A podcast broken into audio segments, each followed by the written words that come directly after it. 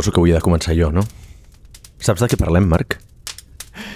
Vols que et digui que avui et trolejaria l'episodi i et diria, tio, vull parlar d'una altra cosa, però no, és a dir, està bé del que parlem. Podem fer, eh? Vull dir, a mi no em troleixes perquè, com que, total, jo no vinc preparat. A mi m'és absolutament igual. No, va, però aquest em fa il·lusió, perquè el vas proposar tu. Llavors, bueno, per una vegada que em fas la iniciativa, igual et deixo i no t'esguerro la festa. És un episodi d'opinió. És, és que no és de recerca, però tampoc és d'opinió. És de fets. Val? Són fets contrastats de més de 10 anys, bueno, gairebé a 15 anys, organitzant esdeveniments i encarregant-me d'una cosa que es diuen els partnerships. Val? Les sponsoritzacions, els patrocinis. Val? La història ve de lluny, molt abans de començar Mars Based, jo el 2009, quan vaig tornar de l'Erasmus, vaig fundar una associació a la Pompeu Fabra, que es deia SN a la UPF?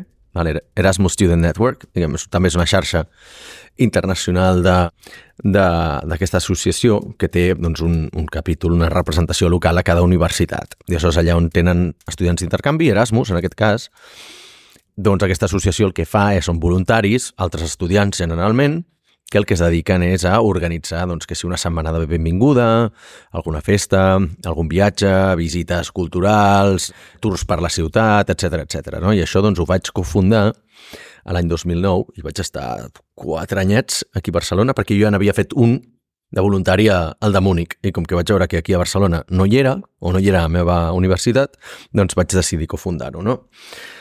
De fet, molta de la gent amb la que vaig cofundar doncs, són alguns dels meus millors amics amb un d'ells he estat soci a Startup Grind, el Carlos, el Carlos Cruz, i, i una de les coses que, que m'ha ensenyat més aquest aprenentatge és doncs, com muntar esdeveniments. I una part molt important dels esdeveniments són els patrocinis i, diguem, els, els partnerships, no? com associes la teva marca amb alguna altra marca que vulgui, que vulgui col·laborar amb tu. Aleshores, en el panorama dels patrocinis i, i, i dels partnerships ha canviat molt en 15 anys. Posem-li, arrodonim-ho ja 15 anys, val? com si fóssim el 2024. I la cosa és que, ostres, el panorama és desolador. Aleshores, m'agradaria dedicar-li un episodi a pensar això. Per què? Perquè la broma s'està convertint en realitat i hem tingut ja reunions amb Casa Manller. Vull dir, per la gent que no que eh, vingui de l'Hort i que no hagi escoltat alguns dels episodis del, del podcast i que s'incorpori ara, portem aquesta broma recurrent de que algun dia això ens ho patrocinarà Casa Manller. Aleshores, tampoc podria ficar-nos molts pels a les rodes i dir coses que no toquen, però hem aconseguit almenys parlar amb Casa Manller. És bastant curiós. Que d'aquí et surt algun patrocini o no, ja ho veurem. I segurament el més, el, el més sensat seria avui no dir massa coses per no fotre la pota, perquè tu i jo, sobretot jo, som bastant de fotre la pota. Aleshores, dit això, tot aquest preàmbul per dir, ostres, què és un patrocini? Què és un partnership? Com, com he vist l'evolució de tot aquest sector en 15 anys? Com assegurar-se que funcionen? Quines coses funcionen i quines no? Qui els ha de fer? Són moltes coses, tio, per on vols que comenci? És que tu rius, eh? Però, evidentment, no em puc estar aquí ni de versos plegats i he fet recerca per aquest episodi, eh?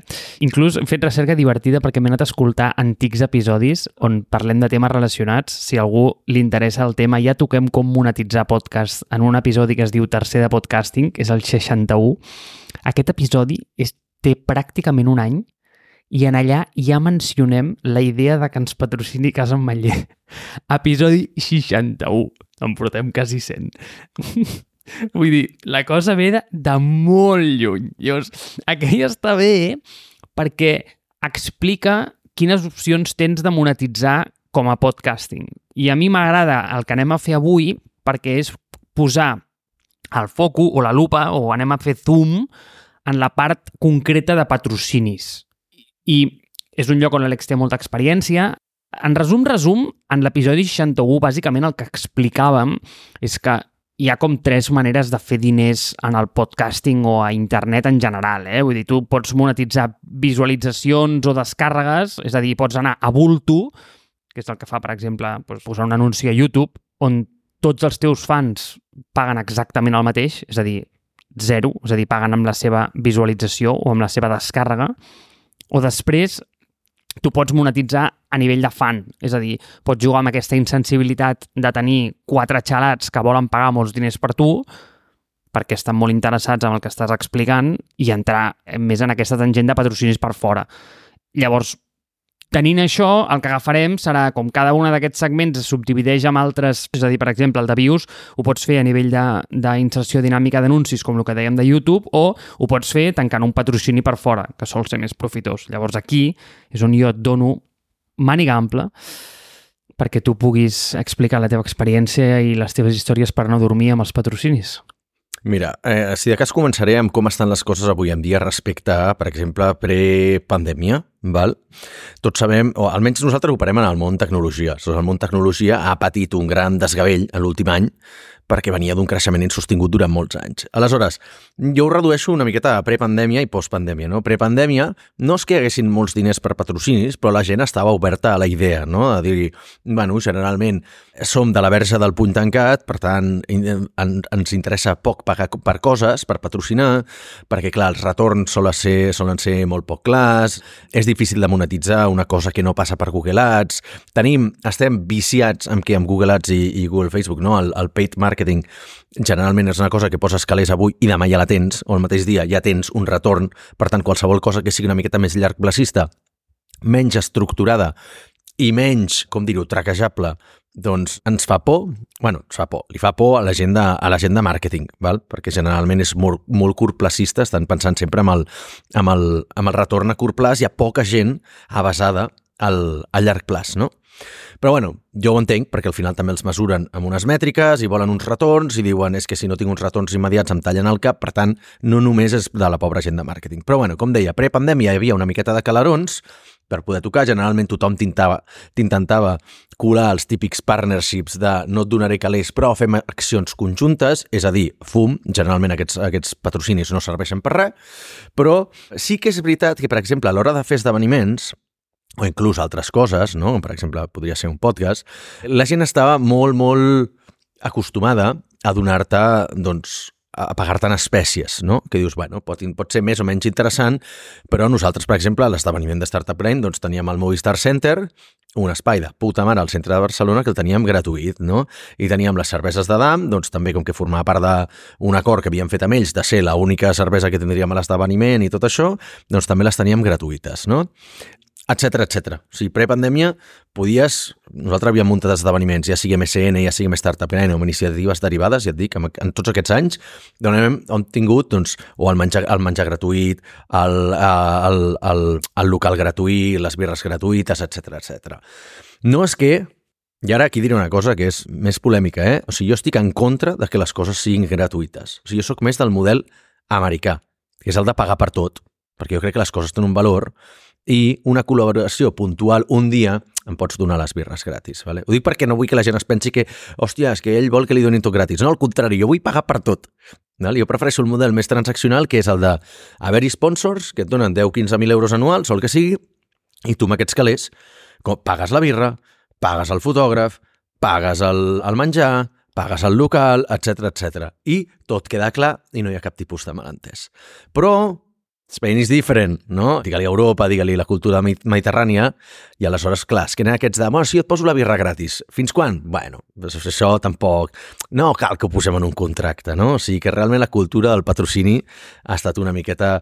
És, és un dels primers problemes val, que, que trobo que és aquest, que és com el de, sí, sí, anem tirant, i ja anirem reavaluant. I és clar, per no posar les coses clares, perquè potser no volen posar sobre paper que et volen donar les birres gratis durant X de temps, vas tirant, de vegades se n'obliden, i de vegades és 5 anys, nosaltres vam tenir TAM gratuït durant 7 anys, diria, però un dia s'acaba i no saps per què. Digues, que em sembla que vols dir alguna cosa. Sí, és que crec que tinc un dubte que la nostra audiència més catalana, eh, d'aquesta, dels bons, dels agarraos, jo crec que es poden estar plantejant ara mateix. És a dir, per tu quina diferència hi ha en què tanquem un contracte molt clar on jo et dono el que tu has dit, eh? vull dir, 10.000 euros a canvi del partnership o, per exemple, com jo he vist en el teu cas, que hi ha birres d'estrella, ara no, però n'hi havien, les Moons, un històric que t'ha patrocinat durant, durant molt temps i que ha portat unes empanades meravelloses a tots els teus events.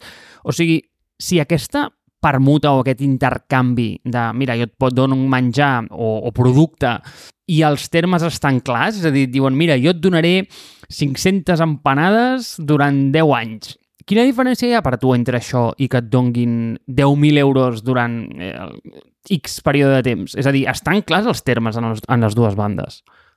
Estan clars, el que, el que generalment passa és que o sigui, un dels principals errors, i n'hi ha molts, eh? però un d'ells és el de, generalment acordes uns, uns valors, val? ja sigui per pasta o sigui per, per espècies, i no es van reavaluant amb el temps. És com que els signes ja te n'oblides, no? i al cap dels anys doncs no, no s'han reavaluat. D'alguna manera tu has de forçar com a un dels, dels propietaris d'aquest acord és que cada X temps, digue-li de manera trimestral, anual, bianual, com tu vulguis, de reavaluar els termes, dir, escolta, això encara és vàlid per tu, això encara és vàlid per mi, encara les teves emparades tenen el mateix valor, t'estic aportant jo més valor que tu a mi, o, o al revés, no?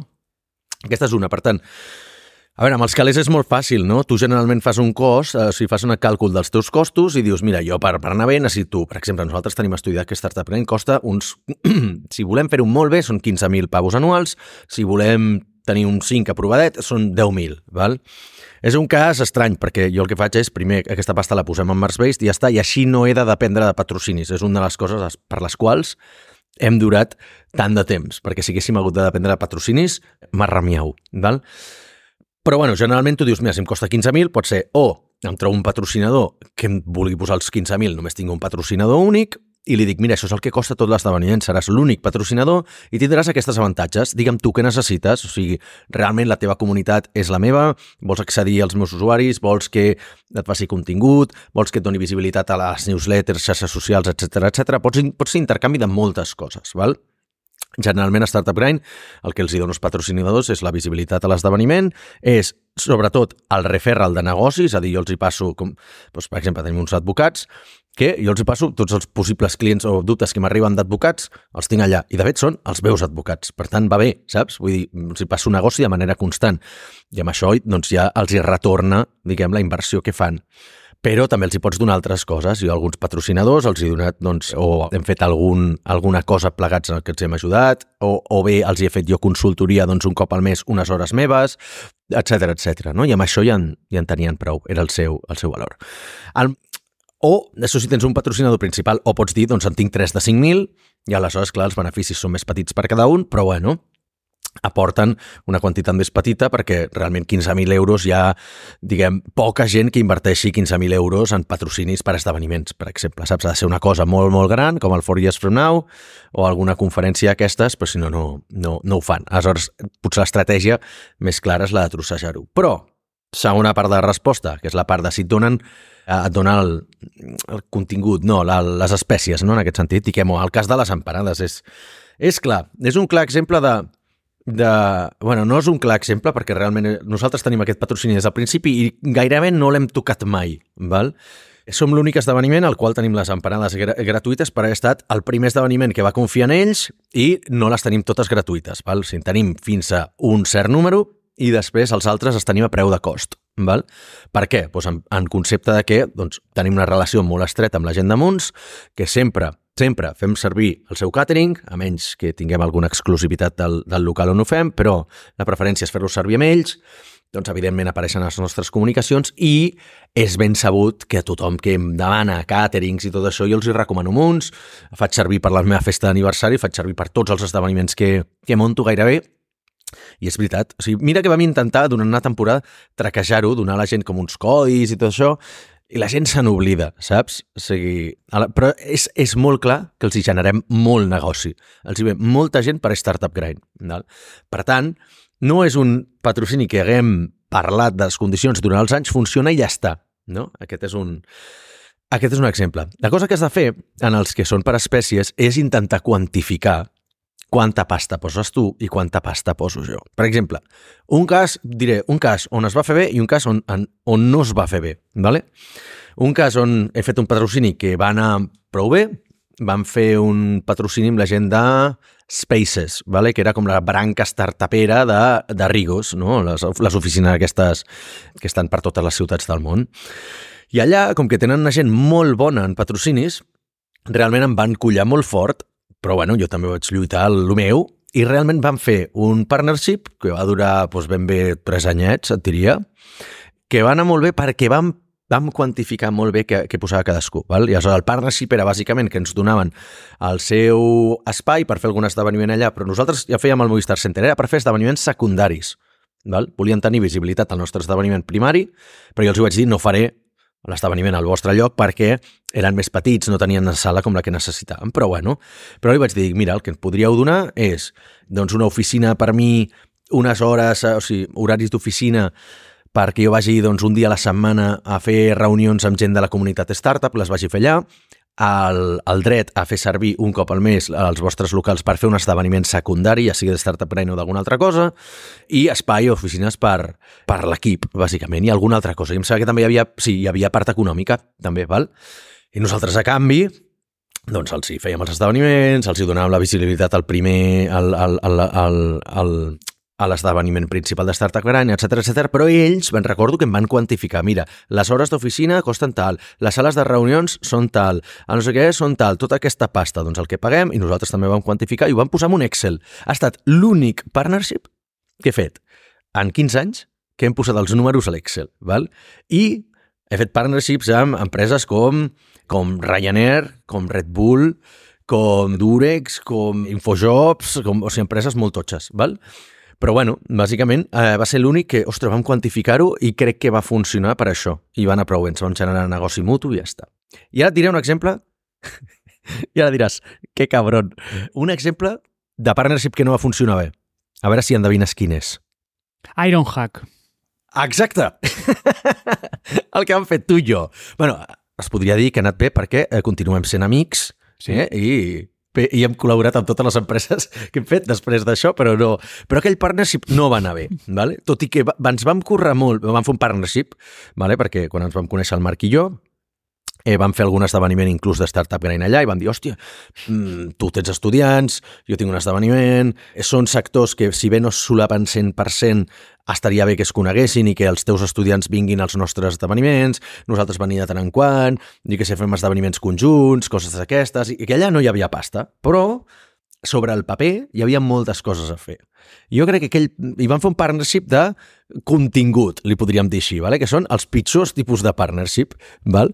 que són els, els, els partnerships pels quals hem de fer com accions. Jo crec que el fallo principal va ser vam voler fer un partnership perquè ens vam caure bé val? i vam voler-nos casar, però realment era molt difícil d'accionar allò, no? Aleshores, aquest per mi és un tipus de, de partnership que no funciona, perquè és el de, hòstia, em caus molt, crec que tenim moltes coses a fer, posem el partnership abans que haver estat col·laborant junts, no?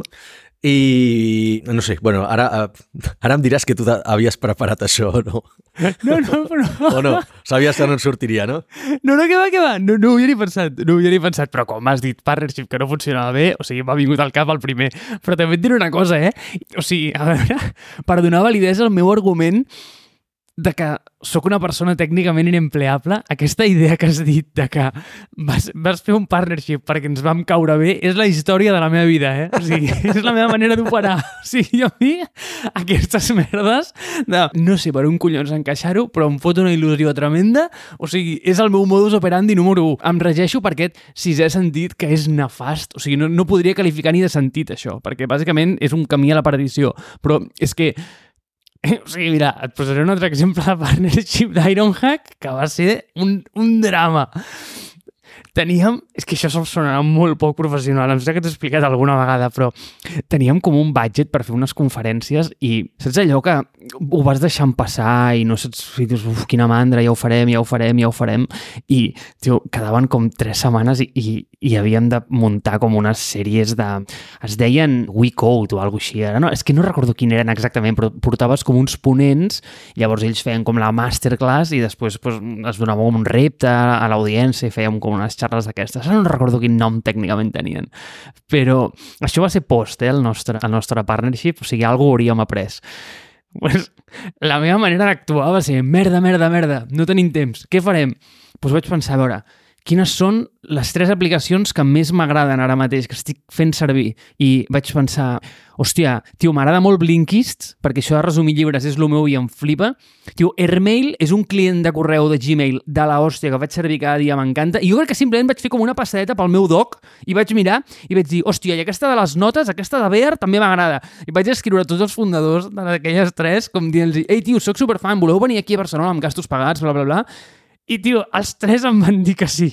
I, o sigui, és la cosa com menys pensada del planeta.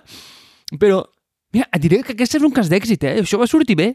Però és raro. Generalment això hauria sortit malament. Quan vas a la desesperada, aquest tipus de coses no surten bé. Tot i que la meva experiència em diu que, que com més ocupada és la persona a la que vols contactar, més fàcil és tenir la seva atenció en les properes 24 hores. És a dir, intenta quedar amb el CEO d'Infojobs per d'aquí dos mesos, et dirà, o el de Telefònica, et dirà que no. Ara, si per un casual el pilles amb un esdeveniment o el que sigui, o coneixes una persona que el coneix molt bé i li dius, escolta, quan el podria veure? Et diu, mira, demà té 15 minuts o 25 minuts a l'hora de dinar, saps? Després de l'hora de dinar, pots? I has de dir que sí, saps? Vull dir que aquestes coses a l'última hora sempre acaben passant. Hosti, aquesta és la llei de l'Àlex Rodríguez, eh? Com més ocupada és una persona, més probabilitats tens de que en les següents 24 t'atengui. M'agrada que tinguis aquests teoremes.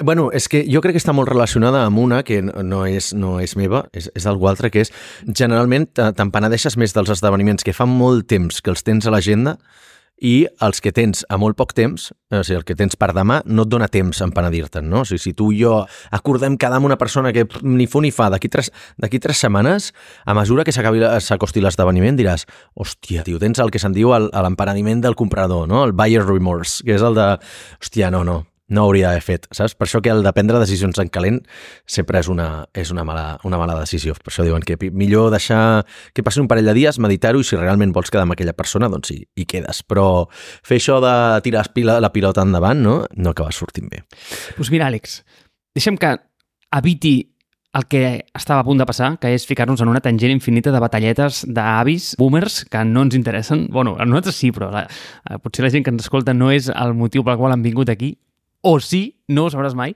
però volia tornar al tema dels patrocinis i capitalitzar una mica la teva experiència sobre el tema, perquè jo veig que, ara, inevitablement, tens un competidor gegant que es diu anuncis a internet, que és pues això, no? extremadament medible, té un retorn superclar, és molt matemàtic, no? I també és cert que hi ha dos tipus d'anuncis, no? Sent molt simplista en el món, està com la part baixa del funnel, és a dir, la cosa molt transaccional, típic Google Ads que et trobes quan busques per Fontanero en, en Barcelona, on és supermedible, dius, mira, si tinc aquest retorn, estic disposat a pagar tant pel bidding i el, i el teu CTR és X, vull dir, faves comptades. El que passa és que això, per, per, per lo general, no funciona bé pel tipus de anunci que considerem més esponsoratge. I, i jo aquesta sempre em ve el cap al brand advertisement, no? Lo del el CPG. No sé com es diuen això, els Consumer Packaged Goods, aquests, que són com el, aquest, les coses que estan en un súper que no es mengen, bàsicament. Pues això, xampús, desodorants... I aquí hi ha una màgia negra brutal, no? Perquè tu, sense saber-ho molt bé com, sempre fas servir el mateix i aquestes marques inverteixen una quantitat de diners acollonants en posar pancartes pel carrer, anuncis a pàgina sencera al diari, diari, anuncis a la tele, llavors això és un, un tipus d'anunci que no et fa comprar aquell producte en el moment, però d'alguna manera, de forma subliminal, hi ha molta teoria al respecte, bueno, pues et vas creant com una personalitat on tu t'identifiques amb una marca i, tio, tens 65 anys i no et dones compte i portes tota la teva vida fent servir Colgate, Axe i HS, per dir alguna cosa, eh? I no saps exactament com, i després et preguntes, mires a darrere i resulta que tots són de Procter Gamble o de... Com es diu l'altre gran? Ni idea. No, no, no tinc ni idea. Sí, home, sí. Hi ha, hi ha Procter Gamble i després està... Bueno, en fi, no em surt... Eh... No ho conec, aquí segurament, i també dona per tangent, eh? segurament és perquè és un tema de, de branding i al final el, el, el, que, el que solen jugar molt les grans marques és el tema de la identitat, de la tribu, no? És a dir, si tu ets de Nike, eh, és un clar para, cas paradigmàtic, no? Nike i Adidas, més o menys, havien estat a la part durant molts anys, fins que Nike, o Nike, pels puristes, van fer, van fer el, la, la peça de màrqueting de continguts, la, potser la primera peça de màrqueting de continguts més famosa de la història, que saps quina va ser, Marc? La de Just Do It? No.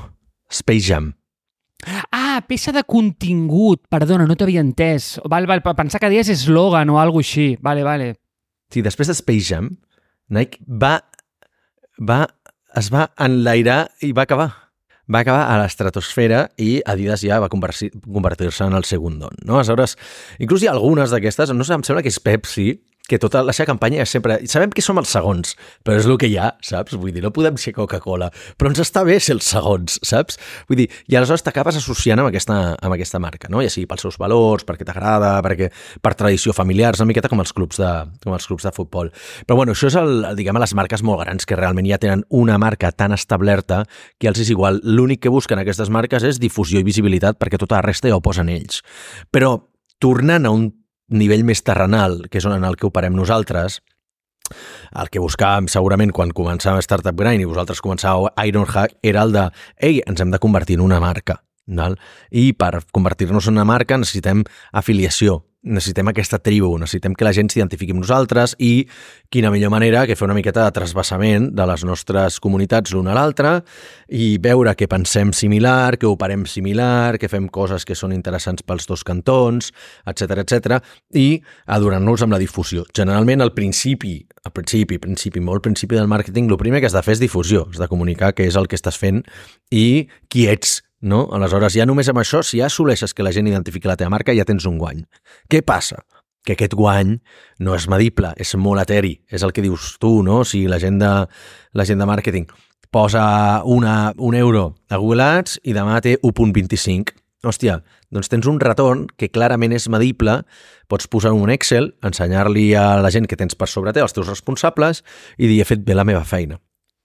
Però si et dediques a fer contingut, o partnerships, o anar a parlar a conferències, coses d'aquestes, el retorn és molt i molt i molt eteri. Val? Aleshores, clar, com calcules, com poses en un Excel, que una acció d'haver anat a un esdeveniment a, al 2015, al cap de 5 anys, signes un contracte amb una persona que vas conèixer allà.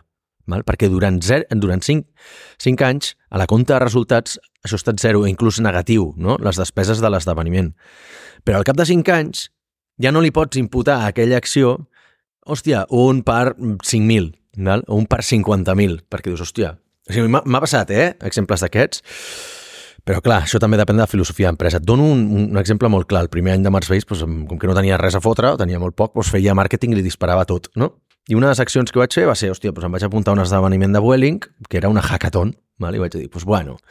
I resulta que la vaig guanyar, amb, bueno, amb un equip la vam guanyar, i amb una de les persones que hi havia a l'equip és el que ara és el CEO de Singularo, aquesta marca de joies de València. No? Pues el tio va quedar impressionat amb com havia plantejat doncs, jo el tipus d'idea, com ho havia liderat i tal. És veritat que vaig, vaig, vaig liderar bastant això i vam, vam guanyar la competició. I, i amb els anys, doncs, bueno, o sigui, no és que haguéssim parlat gaire, però el tio sempre es va quedar amb la idea que jo era com molt referent en tema de tecnologia i va arribar al cap de set anys val? i ens va contractar per Marspace. Crec que abans ja ho havia intentat i no, o no havíem tingut disponibilitat o, disponibilitat o no ens encaixava el projecte, però doncs, al cap de set anys vam signar un contracte i hem estat tres anys ben bé. Bueno, encara, no, encara estem treballant amb ells, de fet. Però bueno, clar, dius, hòstia, doncs durant set anys, a l'haver anat aquell esdeveniment, en negatiu, a l'Excel de resultats de les proves de màrqueting, però després, doncs, un contracte, doncs, que una tonteria, tres anys treballant per ells, no sé, vull dir, segurament haurem facturat pel cap baix mig milió d'euros per dir alguna cosa, saps? Vull dir que, home, doncs, pues, clar, com ho poses? Aleshores, això potser ho faig des de la, des de la comoditat de jo ser el CEO de la meva pròpia empresa i poder dir, doncs, bueno, doncs faig aquestes coses i, i com que no he de reportar ningú, i aquí segurament és on rau la, la importància del, del, de la llibertat o de la independència en la, la feina que fas. No? Si estàs apretat i collat per, pels resultats, doncs al final acabes anar buscant coses curtplacistes. Val? I què és més curtplacista que el, que el paid marketing? No és res. Eh? Si tens una miqueta més de llibertat, o l'empresa s'ho pot permetre, doncs acabes fent coses que ja són una miqueta més, o sigui, com el que fan les empreses que tenen venture capital i que han aixecat molta pasta, que al final ja diuen, vale, la part de paid el, el, el curt plaç ja la tinc resolta, vaig a buscar el llarg plaç i començar a fer SEO, començar a fer contingut, que això inclús podries dir és medible fins a cert punt, perquè si et comença a arribar tràfic a la pàgina, si comença a arribar oportunitats de negoci per la pàgina web, doncs ja està bé, no? I tot i així, hi ha coses que no, o sigui que és, no és fàcil de medir, ja no és tan fàcil com, com, el, com el paid. I després ja tenen doncs, que si els developer relations, aquests perfils que són gent que el que fa és va parlar a conferències i són una miqueta com els ambaixadors de la pròpia marca. No? Com, segurament, com més independència tens i més sobrat vas, doncs pots dedicar-te a fer més coses de les quals no n'hagis de, de, de rendir comptes perquè pots jugar més a llarg plaç. Val? Aleshores, clar, aquí, tot això per dir que quan ja vas molt sobrat el que tu vas a fer és marca, Val? Però si vas molt collat de pasta, el que segurament vas a buscar és el què puc fer avui, ara, perquè demà em doni algú de calés. No? I, I precisament això també és una de les grans limitacions a l'hora de creativitat i de que molts partnerships, per exemple, no funcionen perquè el que et van a buscar a nosaltres ens, ens passa molt, que ens diuen vale, anem a fer un partnership, sí, necessito que cada mes he de tenir A, B i C en, en mètriques. I dius, no, no has entès res. Vull dir, podem treballar-ho, algunes te les puc assegurar, però algunes no te les puc assegurar. Val? O sigui, per exemple, doncs, aparicions en premsa, hi ha gent que et demana aparicions en premsa, que et demana un cert número de visites a la web per cada newsletter que envies, aquest tipus de coses, no? Si tens un equip dedicat i pots fer-ho, i pots complir-ho endavant, però si no, ja veus que també per mi és un tipus de partnership que no acabarà funcionant. Clar, però espera, perquè has jugat amb la meva poca capacitat d'atenció i m'has distret abans i no m'has deixat fer-te la pregunta que et volia fer, que és important. Ah, i per cert, l'altra marca de CPGs és Unilever, ara m'ha vingut al cap. Vale. Sí, que són aquestes mítiques que tenen tot el lineal de desodorants i xampús, que et semblen que hi ha 33 sí. marques diferents, en realitat només n'hi ha dos. O sigui, inclús tenen productes que competeixen entre ells, que em fa bastanta gràcia. Però la meva pregunta és, i t'ho torno en el tipus d'anunci aquest de top of the funnel, molt brand, pancartes pel carrer, sponsoritzacions de startup grind, coses poc medibles, poc tangibles. La meva pregunta és, en tres direccions. La primera és, primer, com trobes aquest tipus d'empreses que saps que estan disposades a pagar per això? Perquè entenc que no hi ha un directori ni un llistat de les pàgines amarilles de les empreses disposades a pagar per brand advertisement. La segona és, com els hi expliques el retorn que tindrà? És a dir, com els hi vens tu mira, pues, eh, el retorn serà aquest i, i com estructures el partnership transaccionalment eh, la monetització? I la tercera, que jo crec que és la més important, és com li poses preu. Vale, a veure, la... anem per ordre, eh, que la meva memòria de peix... O sigui, la primera és com els trobes, no? Generalment, la meva regla d'or és que si et troben a tu, malament, val? perquè són gent que el que està fent és buscar gastar la seva pasta en alguna cosa, però, a veure, perdó, petit matís, si venen els teus esdeveniments o escolten el teu podcast o estan subscrits a la teva newsletter durant molt de temps i ja t'han conegut, ja t'han contactat, i heu anat parlant i no sé què, no sé quantos, això funciona i funciona molt bé. Però, si del no res et contacta una empresa, posem pel cas, val? no sé, una empresa que Gibson, la marca de guitarres, de cop i volta vol sponsoritzar aquest podcast, diria, no funcionarà. Per què? Perquè no se l'han no escoltat, no saben qui som. Segurament hi ha alguna persona de màrqueting que li han donat un pressupost i diu, l'has de gastar. Busca tres podcasts i sponsoritza'ls. I generalment serà el pri els primers que, que et diguin que sí, que més o menys els hi entrin pels seus paràmetres, no? Si tu vas molt ràpid i els hi caus bé i tens l'àvia i tot això, doncs pot ser que, que venguis a l'esponsorship, perfecte, ho faràs, i durant un any tindràs la pasta de Gibson i l'any que ve ja no la tindràs perquè evidentment no haurà funcionat. Per què? Doncs perquè no hi ha hagut recerca de part seva, val? o ha estat una cosa puntual. Però aleshores, dit això, a mi el que em funciona molt, i ara vaig a respondre als altres dos, eh, és el... Vaig jo a buscar les marques. Una miqueta, una miqueta el, el dir, hòstia, amb quina m'agradaria treballar? O sigui, jo sí o sí escolto a, a tothom, però jo vaig a buscar les marques amb les que m'agradaria treballar i dic, bueno, doncs anem a veure si puc concertar una reunió amb elles i, i els explico. Dic, mira, tinc això. O, sigui, o primer pregunto, eh? Escolta, què esteu buscant a nivell de, de marca, a nivell de difusió, etc. Hi ha alguna cosa? Feu accions amb algun tipus d'esdeveniment, de podcast, etc etc. Si és així, com us podríem ajudar nosaltres? Mira, tenim això. Val? O sigui, jo sóc molt fan vostre, m'agradaria que sponsoritzéssiu i, i tal qual. I això sol funcionar bastant bé. Val? Per què? Perquè tu has fet l'esforç de conèixer-los molt bé. Vas allà i ells no t'han de vendre res i diuen, home, doncs ja no, no he de fer la feina, jo de buscar a qui sponsoritzar, m'ha vingut aquest més o menys m'encaixa, doncs, bueno, anem a provar. I si és que no, almenys ja tens la relació oberta. I ho pots tornar a provar al cap dels anys. I aquí és on acaba funcionant. Al cap de dos o tres anys, o cinc, o set, acaba funcionant. Per què? Perquè tens una relació. I generalment això va de tenir relacions. Val? Quan és purament transaccional, com deia abans, no funciona el patrocini. Però quan és de relació, acaba funcionant. Per què aleshores no va funcionar amb nosaltres a, a Mairohack? Perquè no teníem el recorregut, no? Segurament no havíem validat. I després cada una una, una miqueta anava a fer les seves coses i és veritat que vam, vam intentar-ho, eh? Però, però sí que és veritat que potser no va haver-hi la, la recerca aquesta de dir és realista el que volem fer? Quin és l'objectiu final, saps? Vull dir, i, i en aquest sentit aquí no, aquí no va funcionar.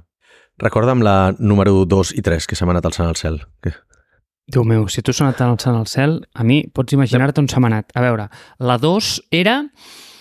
Però jo sé que hi ha una, que no sé si la 2 o la 3, que era com quantifiques el partnership. Aquesta era la 3. Aquesta era la 3, la quantificació. Doncs, do, do, doncs serà la 3, eh? Serà la 3. Potser no hi ha dos. És que hi ha unes obres aquí fora, tio, m'han despistat molt, amb molt de soroll he hagut d'anar a tancar la finestra. O sigui, la primera és com et troben, que, que ja ho he explicat. La segona, no ens en recordem, per tant no la, no la contestarem. No. I la tercera és això, no? Com, com quantifiques? Per exemple, com quantifico jo que val un esdeveniment? Doncs generalment una cosa val, ja saps, el que el mercat està disposat a pagar per ella, no? Has de fer una miqueta de, de comparativa amb coses similars, benchmarking, val? i això t'ha de servir com a base per posar el teu preu. És a dir, si tu, si tu preguntes a les, a les agències de màrqueting, preguntes a les empreses que estan sponsoritzant i per quan, i posem pel cas que és un podcast, doncs nosaltres fent recerca diríem, home, doncs jo què sé, jo aquí tinc una pestanya oberta, per exemple, perquè vaig veure, o crec que m'ho has passat tu, ah, però espera, que la tinc tancada perquè estem gravant, que és el de patrocinar el, el podcast de Kaizen, per exemple. No perquè el vulgui patrocinar, val? no he escoltat ni un episodi, però em sembla que m'ho has passat tu com a exemple de pàgina que es podria construir per nosaltres i és una pàgina que està molt ben parida perquè posa el seu preu, posa mètriques, t'explica el seu contingut, cap on va, què farà i tal, tal, tal. Està molt bé i realment això és el que tu has de tenir preparat pel teu podcast, no? Doncs jo d'aquí en trec un preu.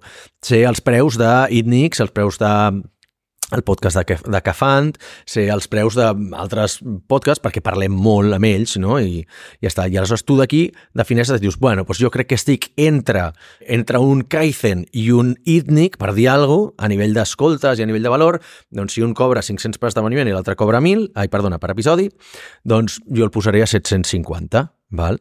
I ja està. I a veure què tal, a veure si funciona. Però Després tu aquí li apliques el que jo li dic la, el, el variable de valor. És a dir, tècnicament, el, la teoria em diu això, però la pràctica és que igual, com que és el primer patrocini, potser no estic allà. Val? Potser d'aprendre, doncs encara doncs me'l baixo, em baixo un esglau, o dos. Val? O al contrari, tu creus que realment el teu contingut és massa bo, bastant sobrat, que és igual, encara que tu per, per escoltes i per mètriques i per tot això estaries en un entremig d'aquestes dues escales el poses un llistó o dos més alts.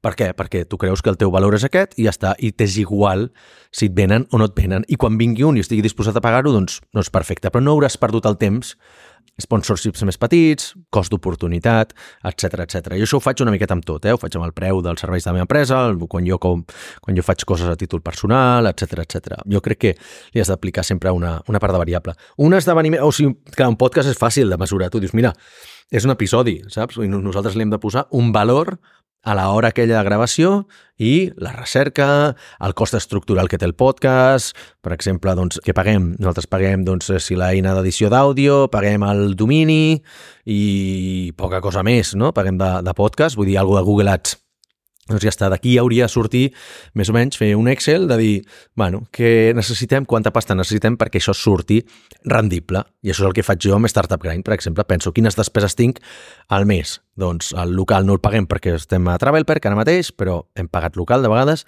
però ara doncs, paguem doncs, el, el, la part proporcional del catering, paguem les cerveses, paguem el fotògraf, paguem la persona de vídeo i jo diria que ja està val? però sí que tenim altres despeses, com si els taxis del convidat, els taxis de l'equip, tenim, bueno, de tant en quant doncs, fem un sopar d'equip, etc etc. tot això ho factoritzes, li poses un preu i això és el cost que tens al final de l'any. Divideixes entre 12 esdeveniments que fem l'any, per exemple, i aleshores aquí és on en traiem el preu de, el preu de l'esdeveniment.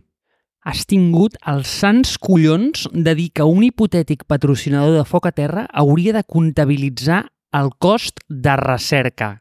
El te, la teva recerca, la teva recerca. Bueno, que no... Ho, ho he fet aposta, eh? Déu meu, Déu meu. Tu creus que algú s'haurà donat compte que això és una maniobra encoberta de 45 minuts per plantar la llavor al cap del nostre patrocinador? No, no ho sé, però clar, aquí venia una miqueta part de la reflexió. De fet, m'he quedat a mitja, si fixes, he obert l'epi- l'episodi parlant del prepandèmia, però no he parlat del postpandèmia. Val? O sigui que si vols tanco una miqueta amb la, amb la comparativa aquesta. Prepandèmia, teníem gent que havia una miqueta de pasta i més o menys tot ho podies tenir gratis, si vols. Postpandèmia, no hi ha pasta, perquè els departaments de recursos humans i màrqueting s'han anat a prendre per sac i tothom vol que li paguis per tot. Val? Aleshores, per això s'han anat, anat a, a no risc totes les comunitats d'esdeveniments, en queden molt poques, realment, i o tens una gran empresa darrere que et sustenta o ha no moltes esdeveniments, perquè clar, si el local et cobra, les birres et cobren, els fotògrafs et cobren, com he dit jo, que és com hauria de ser, però han desaparegut tots, tots, tots els budgets, tots els pressupostos per patrocinar. Aleshores, és un model que no té sentit. Vull dir, jo prefereixo que sigui a l'americana de tots paguem i tot té un preu i tot té un valor i és molt fàcil, coses clares, i au. Però això de et poso ara aquí una miqueta, sí, tu tranquil, ja poso jo el catering, i de cop i volta doncs, desapareixen, diu, no, ja no, ja no em puc permetre més, doncs home, m'has ajudat en el curt plaç, però vull dir, ara tinc una putada perquè pel proper esdeveniment no en tinc i coses aquestes, no? O sigui, realment, el, la diferència aquesta que hi ha hagut pre-post és molt heavy i l'estem... Jo crec que, que es veu que hi ha moltes menys accions de màrqueting, que són molt més màrqueting de guerrilla, que les empreses han quedat només amb les accions que funcionen a curt plaç i ho estem patint, no? El tema aquest de Google Ads per tot arreu, el bombardeig de, de newsletters i de contingut patrocinat en social media... Avui m'hi fixava, tio, LinkedIn, que ha, cam ha canviat i veus que està canviant molt recentment, però un de cada dos o tres posts ja són un anunci, tio. Sigui, abans era raro. O sigui, jo abans, un anunci a LinkedIn, el, molt estrany. I avui, clar, anava mirant i m'anaven sortint marques i dic, que raro, jo no segueixo marques a LinkedIn, saps? Vull dir, fa uns anys vaig fer unfollow a totes les marques. De cop volta començo a veure, doncs això, no sé quines empreses m'han sortit avui, no? Entre elles hi havia Incapto, que és el proper convidat que tenim a Startup Brain, dic Incapto, dic raro, no segueixo les... I veig que és un, eh, que és un, és un contingut patrocinat. Vale. Una miqueta més d'scroll i res, dos, cada dos, tres posts, un anunci. I dic, hòstia, això... Ah, la gent que pa- patrocina, o sigui, que comprava aquest tipus de contingut a Twitter han passat a LinkedIn i dos, déu nhi LinkedIn, que s'han posat les piles amb aquestes coses, però si abans ja, ja no feia scroll perquè em venien ganes d'arrencar-me els ulls amb tot el contingut de merda que es posa a LinkedIn, ara encara menys, perquè hi ha merda i anuncis, tio. Saps? I almenys quan era només merda, doncs pues, tampoc t'importava gaire, però és que ara hi ha un colló d'anuncis. No ho sé, tio. Jo estic molt decebut en general amb el món dels patrocinis. Per sort, porto 15 anys treballant en això i, i tinc clar quines coses funcionen i quines no funcionen, tio, però el curtplacisme que estem veient ara és, és preocupant. Després d'aquesta masterclass de patrocinis, jo crec que tothom té bastant clar si en algun moment s'havia plantejat patrocinar algun contingut o event, per on començar. Jo crec que has, o has ensenyat, has posat a la llum tots els seus trucs i totes les teves tècniques. Diu, ets com el mag que explica els seus, els seus trucos, així que està bastant bé que ho expliquis. Així els altres poden utilitzar tot el que tu has après. Però què recomanaries a algú que comencés i que tingués un, que volgués començar un, un esdeveniment i vol que li patrocinin les birres? Què ha de fer? Doncs és una miqueta el que deia abans, és el, el tema de tenir molta relació amb la gent, que puguis demostrar que tens relació, que coneixes bé la casa i que saps el millor que li pot funcionar a aquella empresa. No? O sigui, segurament un esdeveniment que comença el que ha de fer és anar a buscar una empresa que estigui que sigui petita, no? O sigui, el teu esdeveniment és petit, el que sol funcionar molt bé és anar a buscar una cerveseria artesana i que et posin ells les birres, doncs això, que et portin doncs, 20, 30 birres per esdeveniment, que a ells els hi costa relativament poc i ja ho tenen assumit. O sigui, totes les empreses així de, de, de marques de, de, de, de consum doncs tenen assumit que fan molts patrocinis per en espècie, no? Això sol funcionar molt bé. Nosaltres vam tenir DAM perquè, per un altre motiu, nosaltres havíem tingut DAM durant molt de temps amb SN, per exemple, i quan vaig anar-los a buscar per Startup Grind, DAM no patrocinava tipus de, o sigui, esdeveniments que fossin de, de startups i tecnologia. Val? Aleshores era Moritz la que ho esponsoritzava tot. tot. Tots els esdeveniments tecnològics de la ciutat els portava Moritz. Però què passa? Vam ser la primera marca que Moritz ja no va sponsoritzar. Ens van dir, mira, avui literalment hem tallat l'aixeta perquè ens hem passat de frenada i ja deixem de patrocinar tots els esdeveniments de tecnologia i startups i tot això, que portaven anys fer-ho.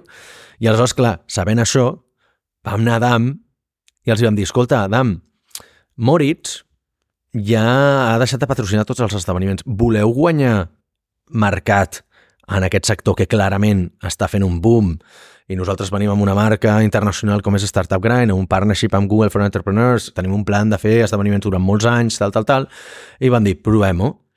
Val? Per què? Perquè li volien guanyar mercat a Moritz. O sigui, aleshores, saber quines són les necessitats o entendre, poder llegir el mercat és, és essencial. Si estàs començant, és molt difícil que sàpigues aquestes coses. Val? Però però és veritat que si fas recerca i tens molta relació amb la gent, pots arribar a entendre què és el que volen fer, no? Doncs en el seu moment, me'n recordo que a MSN vam fer un partnership amb Red Bull, perquè el que volien era que Red Bull, clar, es comprava molt als supermercats, però la gent no el demanava als bars, val?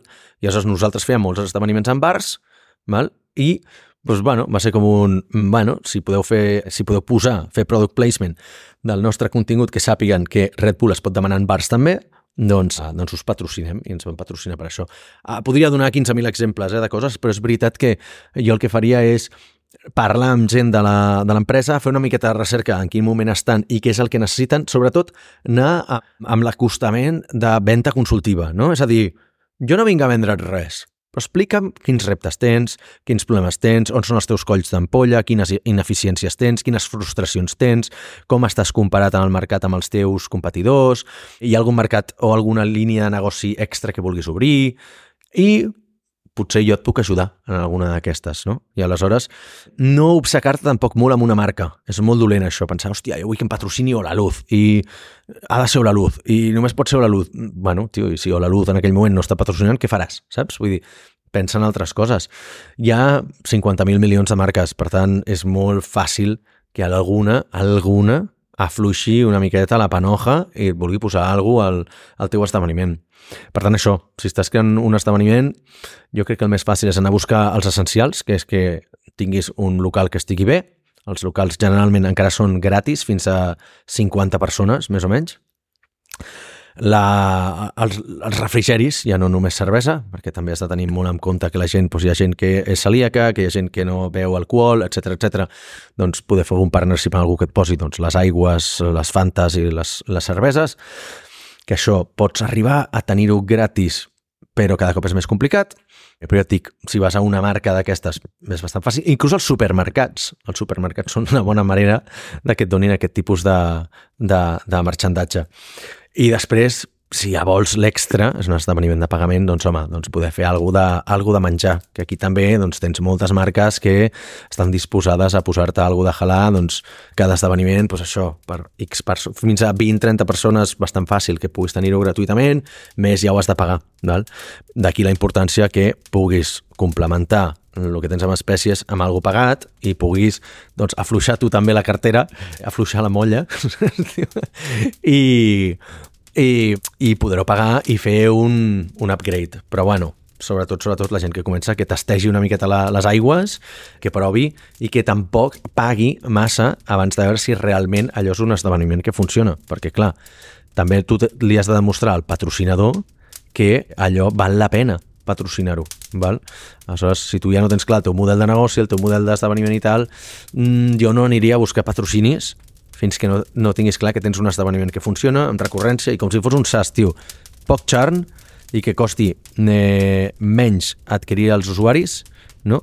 que mantenir-los. I aleshores, si tens això, tens una forma d'èxit assegurada. Sobre aquest últim punt de no obsessionar-se amb un únic patrocinador, crec que és una cosa que nosaltres ens hem passat pel forro, eh?